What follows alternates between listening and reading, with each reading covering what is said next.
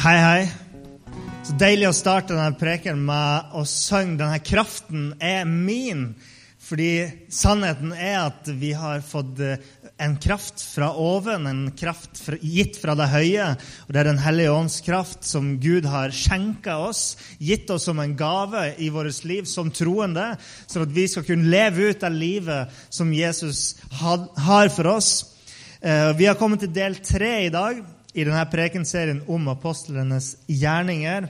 Eh, og Likevel så har vi bare så vidt begynt, fordi det er en lang bok, og vi skal holde på i tolv deler eh, med denne serien. Eh, og, og, gå gjennom historien om apostlene og den første kirka. Og jeg vil bare si deg at Hvis du ikke har hørt de andre prekenene i denne serien, så legger vi ut alle prekenene på nettsida vår Sånn at folk kan gå inn der og, og høre på tidligere prekener, og det å følge med på prekener, høre prekener om igjen hvis man har lyst til det. Eh, og I tillegg så håper vi at så mange som mulig har lyst til å være med på denne reisen vår gjennom apostelens gjerninger. Og Derfor så har vi laga en bibelleseplan eh, som ble delt ut her forrige uke, men som òg ligger på bordet bakerst i salen, som man kan ta med seg hjem og så kan man henge med på denne reisen gjennom apostlenes gjerninger. Eh, og Det kan du selvsagt gjøre på, på egen hånd eh, når du er hjemme òg, og ikke bare her på søndagene. På den måten kan du være forberedt når du kommer hit på søndag. Eh, så har dere allerede lest prekenteksten for den søndagen, så er dere helt med i det, det han da gærningen fram på scenen prater om når han snakker om apostlenes gjerninger. Så det vi har hørt så langt, er jo at eh, disiplene fikk et kall fra Jesus. De fikk et kall om å gå ut på et oppdrag, og de fikk et løfte om ei utrustning. De fikk et, et løfte fra Jesus før han reiste opp til himmelen, om en kraft som skulle komme til dem fra, fra vår Far i himmelen. Og Forrige søndag så hørte vi at Kåre han snakka om pinsedag. Eh, et fantastisk budskap Kåre hadde der om, om, eh, den dagen da Den hellige ånd kom ned på disiplene for første gang, der de virkelig fikk kjenne åndens kraft, og de ble døpt i Den hellige ånd. Og sant, Disiplene de hadde brukt de tre siste årene av livet sitt på å gå sammen med Jesus, en ganske kontroversiell type, som vi hørte her. Eh, men de lærte av han, de gikk med han dag og natt i tre år. Og, spesielt mot slutten så skjedde det jo ganske mye. Jesus han døde, han sto opp igjen, han begynte å, å vise seg for dem. Han spiste sammen med dem, snakka med dem, minnet dem om eh, hva som skulle komme. Han ble løfta opp til himmelen rett foran øynene på dem, eh, mens de var igjen her på jorda. Men på pinsedag, noen dager etter Jesus hadde dratt opp til himmelen, så var 120 disipler samla sammen eh, i den øvre salen der. Eh, og Den hellige ånd kom ned over dem med en sånn mektig kraft som gjorde at disiplene skjønte at det her er fra Gud. Det her er den kraften. Det her må være den kraften som Jesus snakka om. Eh, og, og folk, folk, rundt så hva som skjedde, eh, og de begynte å tro at, at det var sant det disiplene fortalte om denne Jesus, for de så kraften så tydelig i deres liv.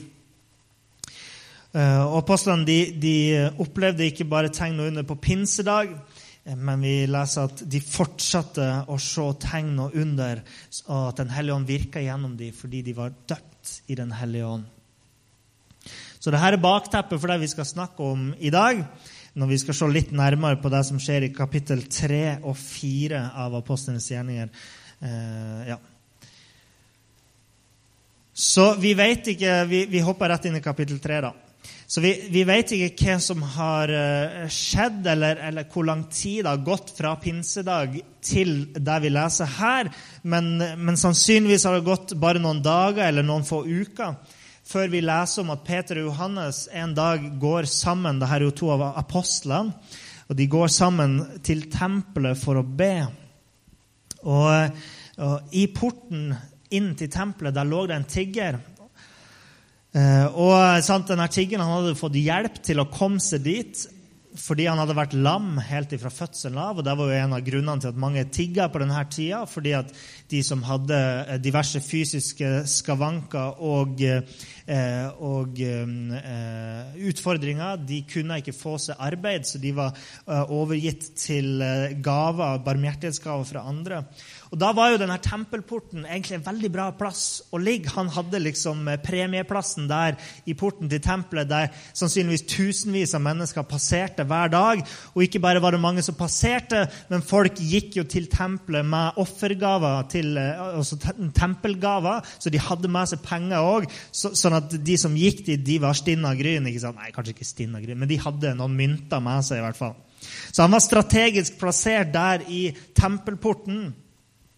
Og når Peter og Johannes kommer forbi, så ber han de om en barmhjertighetsgave. Han tigger om, om, å få penger fra de. Og Peter og Johannes de ser på hverandre, står det. Og så sa Peter til denne lamme mannen, 'Se på oss.'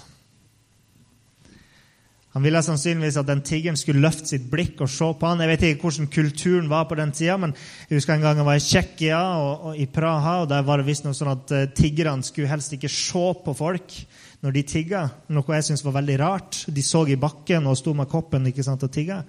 Eh, kanskje var det sånn her, og Peter sier 'se på oss'. Og eh, En veldig god antakelse er at Peter og Johannes ikke var velstående. Eh, bare noen vers før det her så leser vi om hvordan de kristne, eh, de få som var helt i begynnelsen, de, de delte alt sammen. De solgte det de eide, og så hadde de en sånn felles pott med penger der de delte ut til folk etter hvert som de trengte det. Eh, så, så, sannsynligvis er en veldig god antakelse her at Peter sier det her for at den tiggeren skal se opp på dem og se, se på oss. Vi er heller ikke rike. Vi har heller ingenting. Så hva kunne de gjøre for denne, denne mannen? Jo, de kunne gi han en demonstrasjon av Den hellige ånds kraft. Og det er så bra det det, det Peter sier til han tiggeren her, mens han ser på de med, med, liksom Ja vel, nå ser jeg på deg. Har du noen gave til meg? Eller hva, hva, hva mener du? Så leser vi vers 6. Sølv eller gull har jeg ikke, men det jeg har, vil jeg gi deg. I Jesu Kristi Nazarerens navn, reis deg og gå. Og Peter, vet du, sant? han har bare full tillit til at Den hellige ånd og at Gud vil gjøre noe her, så tar han handa til denne lamme personen og drar han opp. Og sannsynligvis, Hvis vi kjenner Peter, så tok han litt i òg. Han var en litt sånn uh, kar med litt trøkk i. Og så står det at straks, det vil si i det øyeblikket Peter gjør det her, så kommer kraften tilbake i føttene til den her. Det står han får funksjonen tilbake i føttene sine. Er ikke det ganske utrolig?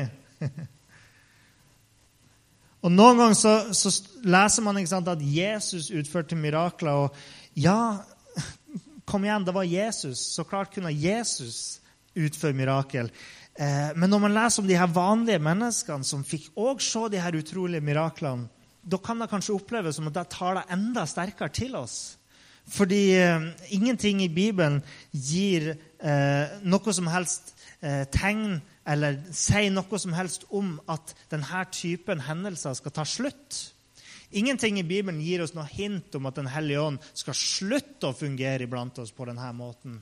Og derfor, når vi leser om at Se på de tingene som skjedde blant de her apostlene, eh, så vet vi at det her er tilgjengelig for oss òg. Dette er tilgjengelig for oss, og dette er noe som vi kan oppleve i dag. Men det har med den troa vår ikke sant, som vi har på det. Eh, Peter han går her fram i full tillit til at Den hellige ånd er med han. Og da ser han sånne her mirakel. Og det, det disiplene hadde, det, det var den samme krafta som var over Jesus. De var døpt i Den hellige ånd. Så når jeg leser det her, ser jeg for det første noe jeg tror på. Jeg tror på denne historien. Og, og eh, når jeg leser det, så gleder jeg meg over at denne tiggeren fikk lov til å oppleve det her. For jeg tror at den historien er sann, og jeg tror at det var en tigger den dagen som fikk oppleve det her, og for et mirakel det, det ville vært. Tenk hva denne tiggeren ville betalt for det. Og han har levd hele livet sitt. Jeg tror det står at han var rundt 40 år. Og han levde i 40 år uten å kunne gå. Og så kommer de og gir han denne gaven, dette miraklet. Wow! Så jeg tror på det her, og jeg gleder meg over det som skjedde. Og, og jeg takker Gud for det, og, og spesielt fordi at dette ble et så sterkt vitnesbyrd om Gud. Ikke bare den dagen, men òg gjennom hele historien. Og for det andre så styrker det min tro på at denne typen ting kan skje i vår tid òg. Okay? Så det var den tiggeren. Så hva skjer når en mann blir mirakuløst helbreda fra å være lam? Hva hadde skjedd hvis du hadde gått på Strandtorget og, en mann hadde blitt helbreda og gått, stått opp fra rullestolen og ropa ut? For det står her at han, han tiggeren han løpte rundt, han sang, han, han lovpriste Gud og laga masse spetakkel. Og, og Jeg leste denne teksten mange ganger nå, og så sent som i går så ble jeg bare virkelig så rørt av å lese om det her. Lese om den reaksjonen, fordi det er så ekte. Hva gjør du etter å ha blitt helbreda liksom, eh, på den måten? Ja, du jubler, så klart. Du sprenger rundt. Du har fått funksjon tilbake i føttene. Så denne mannen han lager litt av et spetakkel, og folk de begynner å legge merke til at noe skjer der borte i porten til tempelet. Og Da står det i vers 10 at de kjente ham igjen og visste at det var han som pleide å sitte ved fagerporten og tigge om gaver. Og dere vet sant, Jeg har bodd noen år i, i Bergen og i Oslo. Eh, to relativt sett store byer, i hvert fall i norsk forstand. De er ikke så store i, i, i internasjonal forstand, men eh, stor nok. Og, eh, og, hvis noen andre av dere kanskje har bodd i en storby, så vet jeg ikke om dere har lagt merke til det samme som meg, men når man har bodd der en stund, og man har vært litt i byen, sånt, så begynner man å kjenne igjen de her tiggerne ser at noen av tiggerne har sine faste plasser de setter på, eh, faste områder de holder til i. og så du begynner, du begynner, å kjenne det igjen. Selv om du kanskje ikke har snakka med dem noen gang, så begynner du å kjenne igjen de her folkene. Og, eh, du kjenner igjen han der fyren som er blind på et øye, men som spiller saksofon. Du kjenner igjen han fyren som har, eh, har deformert fot, som går med, alltid går med ei krykke. Og du kjenner igjen han der fyren med så mye hår og skjegg som alltid, du kan lukte i hele bussen, liksom, at han er til stede. Så hvis skjedd, noe sånt hadde skjedd med noen av de her tiggerne som, som, til og med jeg kan huske den dag i dag, selv om jeg flytta fra Oslo for noen år siden, så klart kjente de igjen denne mannen og så at noe hadde skjedd med han. De som hadde vokst opp i Jerusalem og hadde sett han tigge der i sant, kanskje 30 år. da. Eh, så så klart kjente de han igjen. Folk gikk forbi han hver dag. Hva var det som foregikk, da? Hva var det som hadde skjedd? Det var det folk lurte på. Så folk stimla til der. Og til og med en del japanske turister kom der og tok bilder sant, med fotoapparatene sine. Det er ikke et moderne fenomen. Det var sånn da òg. Tenk på det. Og Peter han skjønte at det var en sånn gyllen mulighet til å eh, forklare hva som hadde skjedd. Folk de så at det hadde skjedd et mirakel. De kjente han igjen, denne tiggeren. Men de visste ikke hvordan det hadde skjedd. Og Da forklarer Peter det at, at, det var ikke noe som de hadde gjort. Men han sier i vers 16 der at ved troen på Jesu navn har dette skjedd. For det navnet har gitt styrke til denne mannen, som dere både ser og kjenner. Den tro vi får gjennom dette navnet, har gitt mannen full følelighet igjen, slik at alle kan se. Og når underet hadde skjedd, så var både hjerte og sinn åpent for å ta imot det her budskapet, det her evangeliet, de her gode nyhetene om hva som hadde skjedd. Og Peter han venta ikke et sekund med å fortelle om Jesus og fortelle om hvem det var som hadde æren for det her miraklet. Og eh, Dessverre så var det ikke alle som var like begeistra for og høre de her tingene. De var ikke like begeistra for at uh, Jesu navn ble forkynt, og høre om at Jesus hadde stått opp fra de døde, og at mirakler skjedde ved Jesu navn. Så mens uh, apostlene var, uh, Peter og Johannes var der, så kom det noen prester, noen skriftlærde, og til og med sjefen for tempelvakten, datiden Securitas, og arresterte de og tok de med seg i fengsel. Og det var jo kjipt at de ble arrestert akkurat da, fordi da var det jo ingen som ble frelst den dagen. Eller var det det? Jeg ser, jeg ser at noen av dere har lest denne historien før. Se hva som står i, i kapittel 3, 4, vers 3 og 4.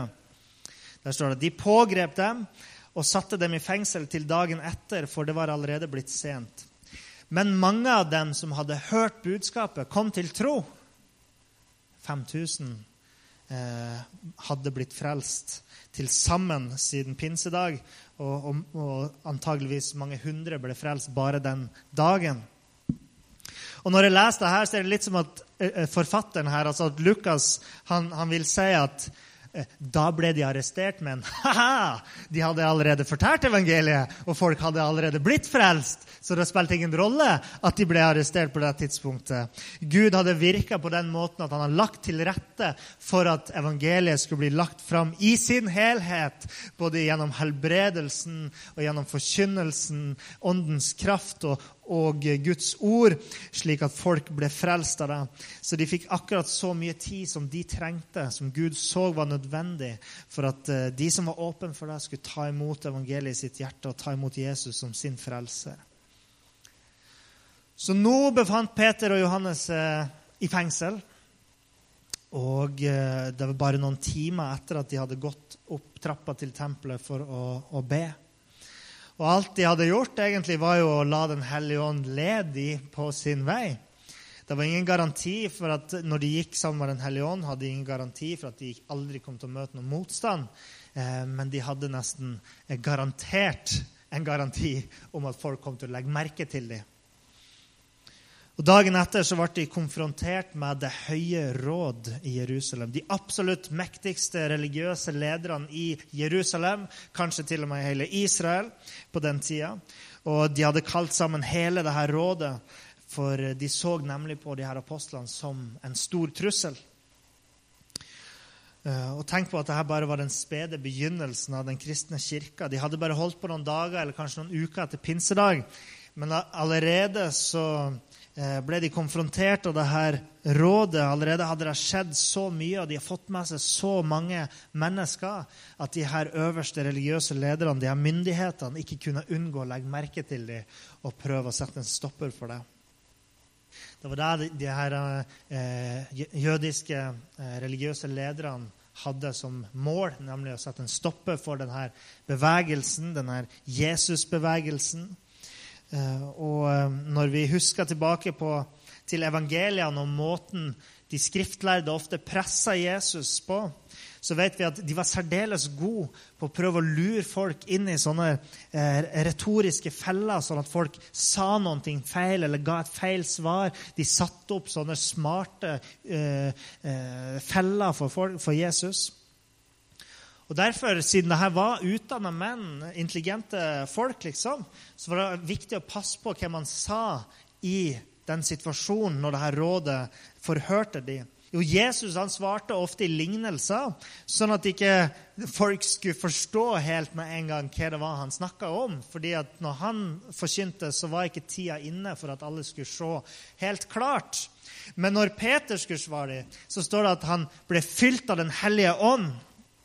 Og det vil si at Gud virka i han på en sånn måte at han for det første fikk mot til å si sannheten til dette rådet, og for det andre fikk, eh, fikk ledelse i hva han skulle si til dem.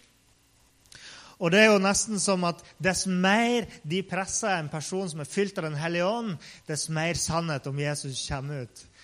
Tenk på en, en, en, klut. Hvis du vrir en tørr klut, så kommer det ingenting ut. Men hvis du vrir en fuktig klut, så kommer det ut det som er i den. Om det er melk eller saft eller vann eller hva det er. Presser du en åndsfylt kristen, så er det sannheten om Jesus som kommer ut. Så i vers 12 så sier Peter om Jesus det finnes ikke frelse i noen annen, for under himmelen er det ikke gitt menneskene noe annet navn som vi kan bli frelst ved enn Jesus. Bare Jesus er veien til Gud. Og Kåre nevnte det her i forrige uke. Han snakka om um, hvordan noen sier sant, at alle religioner fører til Gud. Eh, altså jeg mener Alle mennesker jobber med samme greien. Og, og, ehm, og, og, man hører det her at alle religioner har noen overfladiske forskjeller, men, men, helt grunnleggende så er det egentlig det samme. ikke sant? Man har hørt noe lignende i den dur. Alle religioner har noen overfladiske likheter, men har noen grunnleggende forskjeller. Eh, nei, overfladiske forskjeller, men grunnleggende likheter. Men er en som heter Ravi Zakarias, en predikant eh, og teolog, han bruker å si det her at, at eh, det er egentlig helt motsatt. alle religionene har noen overfladiske likheter, men de er grunnleggende forskjellige. De har noen overfladiske likheter, men er grunnleggende forskjellige. Og En av de her religionene skiller seg ut fra de andre, fordi det er en religion som sier at vi kan ikke frelse oss sjøl ved våre egne gjerninger, eh, fordi det er umulig. Og Den religionen er troen på at Jesus har gjort alt som er nødvendig for oss for at vi skal komme til Gud. Og det gis oss av gave, denne troen. Den gis oss som en gave, så at vi kan komme til Han uavhengig av våre egne gjerninger. Så vi ikke har noen ære i det, men all ære går til Gud. Og For oss mennesker så er det ingen annen vei til Gud enn den veien som går gjennom troen på Jesus. Eh, og gjennom, kun gjennom Han kan vi bli frelst. Så Peter han legger ikke noe imellom her. Han sier det så grunnleggende, så klart, så tydelig som det går an å få sagt det. Fylt av Den hellige ånd, så turte han å si det akkurat sånn som det var. Og Rådet de bestemte seg for å gi de her kristne taleforbud. Men Peter og Johannes de sa at de kunne ikke gjøre noe annet enn å snakke om de her tingene, fordi det var Guds vilje. Og rådet de var rådløse. Fordi så lenge hele folket lovpriste Gud for det underet som hadde skjedd foran øynene på alle sammen, så kunne de ikke straffe apostlene. Så tenk at bare pga. dette ene underet i møte med denne eh, stakkarslige tiggeren bare pga. denne ene hendelsen så ble det denne øverste myndigheten tvungen på kne pga. Jesu navn. Så mye makt har det, og så stor kraft har det når vi følger Jesus og følger Hans ord og er trofast til det Han har sagt oss.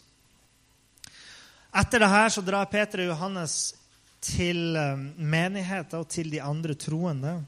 Og De forteller om alt som hadde skjedd, og at de snakka med Det høye råd, at de hadde vært arrestert, og, og, at de egentlig hadde blitt pålagt å aldri mer snakke om Jesus i offentlighet. Og Vi vet ikke hva de følte eller tenkte i denne situasjonen, om, om, om dette var noe som gjorde de nervøse, eller om det her var noe som egentlig gjorde de mer eh, kamplysten, for å si det sånn, at de bare ble fylt med enda mer mot og tenker ikke søren om vi skal følge det, eller om de egentlig var bare sånn, de tenkte at rådet har ikke nok makt over oss, så de kan ikke stoppe oss. Men det vi vet, det er at de oppsøkte det her åndelige fellesskapet av troende. Eh, og eh, det første de gjør etter å ha hørt de her tingene, er å legge det fram for Gud. Og Det står i vers 24 at da ba de til Gud med ett sinn og én stemme. Så da sier de til Gud at dette er jo ting som har blitt skrevet om. At Jesus skulle bli møtt med motstand. Og nå var det disiplene som var Jesu representanter. Og de òg blir møtt med den samme motstand som var profetert om eh, i Gammeltestamentet. Eh, og, og, og, så ba de da til Gud, og de sa, sa det her. Herre, Hold øye med truslene deres, og la dine tjenere tale ditt ord med frimodighet. Rekk ut din hånd så det skjer helbredelser og tegn og under ved navnet til Jesus, din hellige tjener. De visste ikke noe annet enn at de hadde fått et kall å følge. De hadde fått et oppdrag og var vitner om Jesus. sant? De kunne ikke gjøre noe annet enn å følge det kallet, for det visste de så tydelig fordi Jesus hadde sagt det til dem. Så Derfor, derfor så gjør de det eneste riktige, nemlig å henvende seg til Gud om å bare få styrke til å fullføre det oppdraget de har blitt sendt til. Ikke, de ba ikke om å få slippe. De ba ikke om at eh, fiendene skulle bli utsletta, men de ga om å få kraft og visdom til å fullføre dette oppdraget. Og Gud svarer der og da, for da står det da de hadde bedt, skalv stedet der de var samlet. De ble alle fylt med Den hellige ånd og talte Guds ord med frimodighet. Og Det er sånn Gud svarer oss òg. Og Derfor har han gitt oss dette skriftet. Gå ut på oppdraget, så skal Gud gå sammen med det. Han lengter etter å gi oss denne kraften. Når vi går på oppdrag, så vil han møte oss der. Og Det minner meg om et bibelvers som, eh, eh, som hang på veggen hjemme. Innimellom, i hvert fall. Pappa hadde en sånn kjempegammel sånn bibelverskalender, sikkert fra 1800-tallet. eller noe sånt. Eh, og Derfor så kan jeg den bare utenat på en sånn veldig gammel oversettelse. Men eh, det er at Gud sier til oss 'Jeg skal ingen lunde slippe deg, og ingen lunde forlate deg'. Det betyr at han skal være med oss når vi går.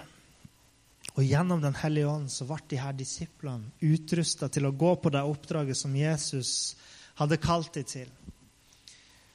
Og I de her tidligste dagene så ser vi derfor, og her kommer det fem punkter som dere kan skrive ned hvis dere vil. Vi ser for det første at oppdraget der begynner i møte med den enkelte. Apostlene de møter denne tiggeren i tempelporten som de stopper opp ved og De hadde ingenting mer enn sin tro på Jesus å gi ham, men ved den troen så kunne Den hellige ånd virke i livet til denne tiggeren og gi ham mer enn han kunne drømme om. Og virke inn i livet til dette mennesket. Og eh, For de fleste av oss, mesteparten av tida, så handler livet som kristen om våre møter med enkeltmennesker i hverdagen. Og det er rart, fordi det er noen ganger nesten som at det er lettere å være frimodig når man står kanskje på en scene og, og snakker til en hel forsamling, enn det er å være frimodig når man snakker eh, på enmannshånd med folk. For min del så prøver jeg å utfordre meg sjøl på dette punktet i møte med enkeltmennesker. Tørre å, å, å, gå litt mer, tørre å be for andre, eh, andre folk og snakke om Jesus og, og bare være frimodig på det. Eh, for, eksempel, for en stund siden så hadde vi eh, ei jente på ungdomsmøte som aldri hadde vært her før. og, og jeg, ikke, jeg, kjente henne ikke, jeg visste ikke hva hun trodde på, eller noen ting, men jeg gikk bort og, og jeg sa det. Jeg vet ikke hva du tror, men, men, jeg tror i hvert fall på Gud. og, eh, og er det greit hvis jeg bare ber for deg om at Gud skal velsigne deg og familien din? Og ja, det fikk jeg lov til. Og så gjorde jeg det. og og var takknemlig for det. Men det skjedde ingen mirakel eller under. Men det er en sånn type ting som jeg gjør for at når vet jeg at Gud skal komme med sin kraft over et menneske, liksom? Så vi, vi trener oss på det. Og, og, for det andre så ser vi at uh, oppdraget begynner i møte med folkemengden. Apostlene var ikke redd for å rope ut denne nyheten om frelsen gjennom Jesus til hele folkemengden der, eh, helt til det at de, de ble arrestert, så klart. Men i dette tilfellet så opplevde de at de hadde nesten ikke noe annet valg enn å forkynne evangeliet. De hadde ikke noe annet valg enn å gripe denne muligheten til å snakke om Jesus. Fordi det hadde jo skjedd et mirakel. Nå var tida der for å virkelig kjøre på med, med evangeliet. Jeg vet ikke om de var forberedt på det, jeg vet ikke om de var forberedt på å holde en tale den dagen, eller at det skulle skje noe sånn her den dagen. Jeg tviler egentlig litt på det, for selv om de var fylt med Den hellige ånd, så var de ikke spåmenn av den grunn. De kunne ikke eh, se framtida og, og samtidig så, så, ser jeg at det finnes folk den dag i dag som, som har fått en salvelse, eller de har blitt velsigna med en, en, gave og en frimodighet til å gå ut på gata og forkynne om Jesus. og Jeg har virkelig stor respekt for det. Jeg ser at det, det, det virker, eh, og at folk blir frelst av det. Men, men, ikke bare det, men at folk de eh, de forkynner evangeliet via Facebook, via YouTube, andre offentlige steder som ikke lenger er bare ute på gata, men òg eh, uansett hvilken talerstol man har, så, så kan man forkynne evangeliet. Eh, jeg tror at vi skal være frimodige på å be om at, at vi skal bli velsigna med, med, den frimodigheten som disiplene hadde til å faktisk forkynne for en hel folkemengde.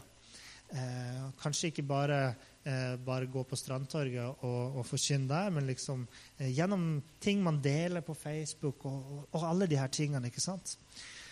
Så jeg tror at det er en velsignelse som vi trenger i vår menighet, å se at folk blir utrusta til et oppdrag der man møter mange mennesker. Så, så var frimodig på det. For det tredje så begynner oppdraget i møte med myndighetene.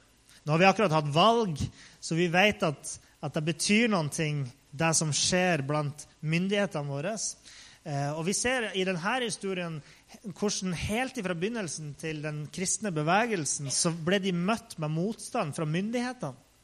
I dag så er de kristne den mest forfulgte minoriteten i verden. Og mye av det er pga. eh, kristenfiendtlige myndigheter og styresmakter rundt omkring i verden. Men dere vet jo da at en vekkelse det kan berøre en hel nasjon og forandre et helt folk.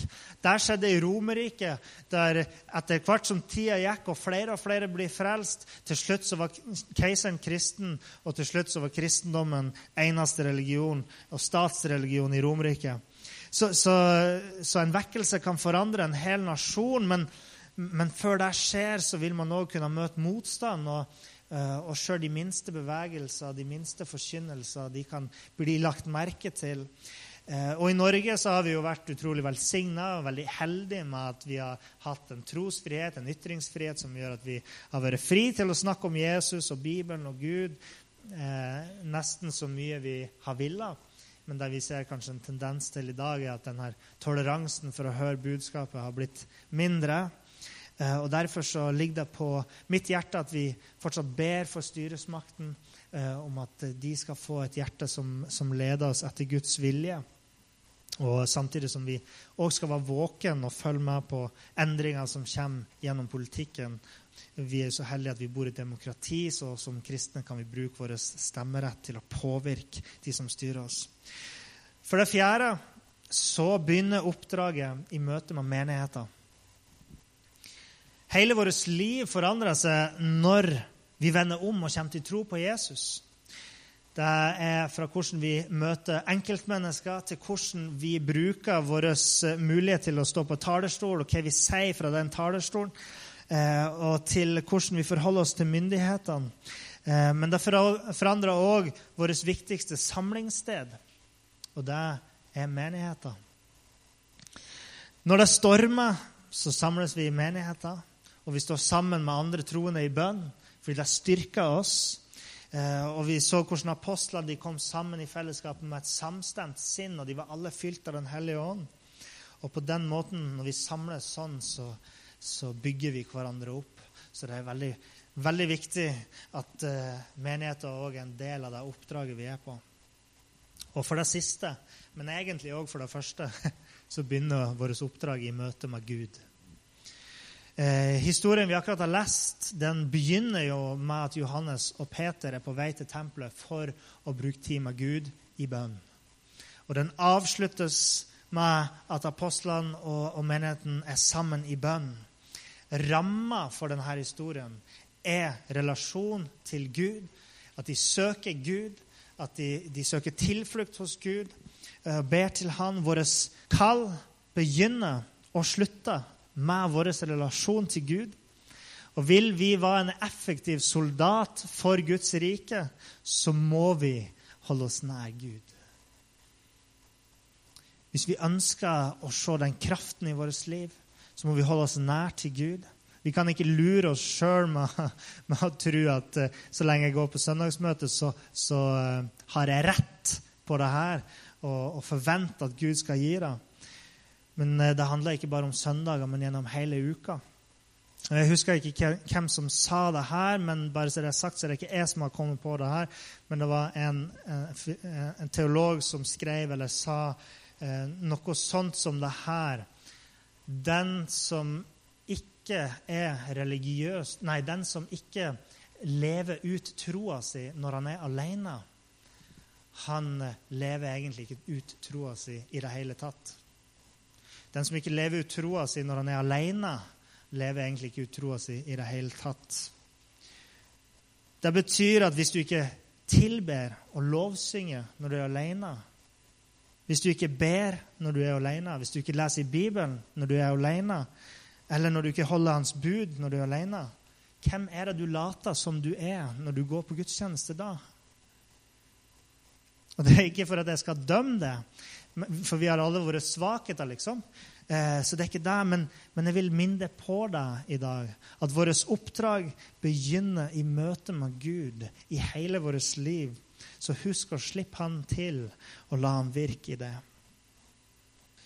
Så det var de fem punktene i møte med den enkelte, i møte med folkemengden, i møte med myndighetene, i møte med menigheter, i møte med Gud. Der finner vi vårt oppdrag, og det berører vårt liv eh, i sin helhet. Altså hele vårt liv berøres av det, til og med måten vi ser og tenker om samfunnet vårt på, og de som styrer oss. Himmelske Far, jeg takker deg for ditt ord som har blitt gitt til oss i dag gjennom denne boka, 'Apostelens gjerninger'. Takk for eh, det inspirerende vitnesbyrdet som du har overlevert til oss gjennom det du gjorde i livet til de her apostlene, far. Eh, far, jeg bare ber deg om at vi òg skal kunne få lov til å oppleve de her eh, gavene som vi leser om her. Denne kraften, far, til å se helbredelser skje iblant oss. Eh, til å se at vi blir ledet av det, til å tørre å stå foran folkemengder og snakke om det, far. Til å tørre å, eh, å, å påvirke myndigheter, far. Og til å tørre å snakke med enkeltmennesker som vi møter, far. Og hjelpe oss og gi oss styrke til å søke det eh, når vi er alene, når vi tror ingen ser på. Hjelp oss å stå fast på ditt ditt ord sjøl da, Jesus, så vi virkelig kan leve ut oppdraget som du har gitt oss i alle sider av vårt liv.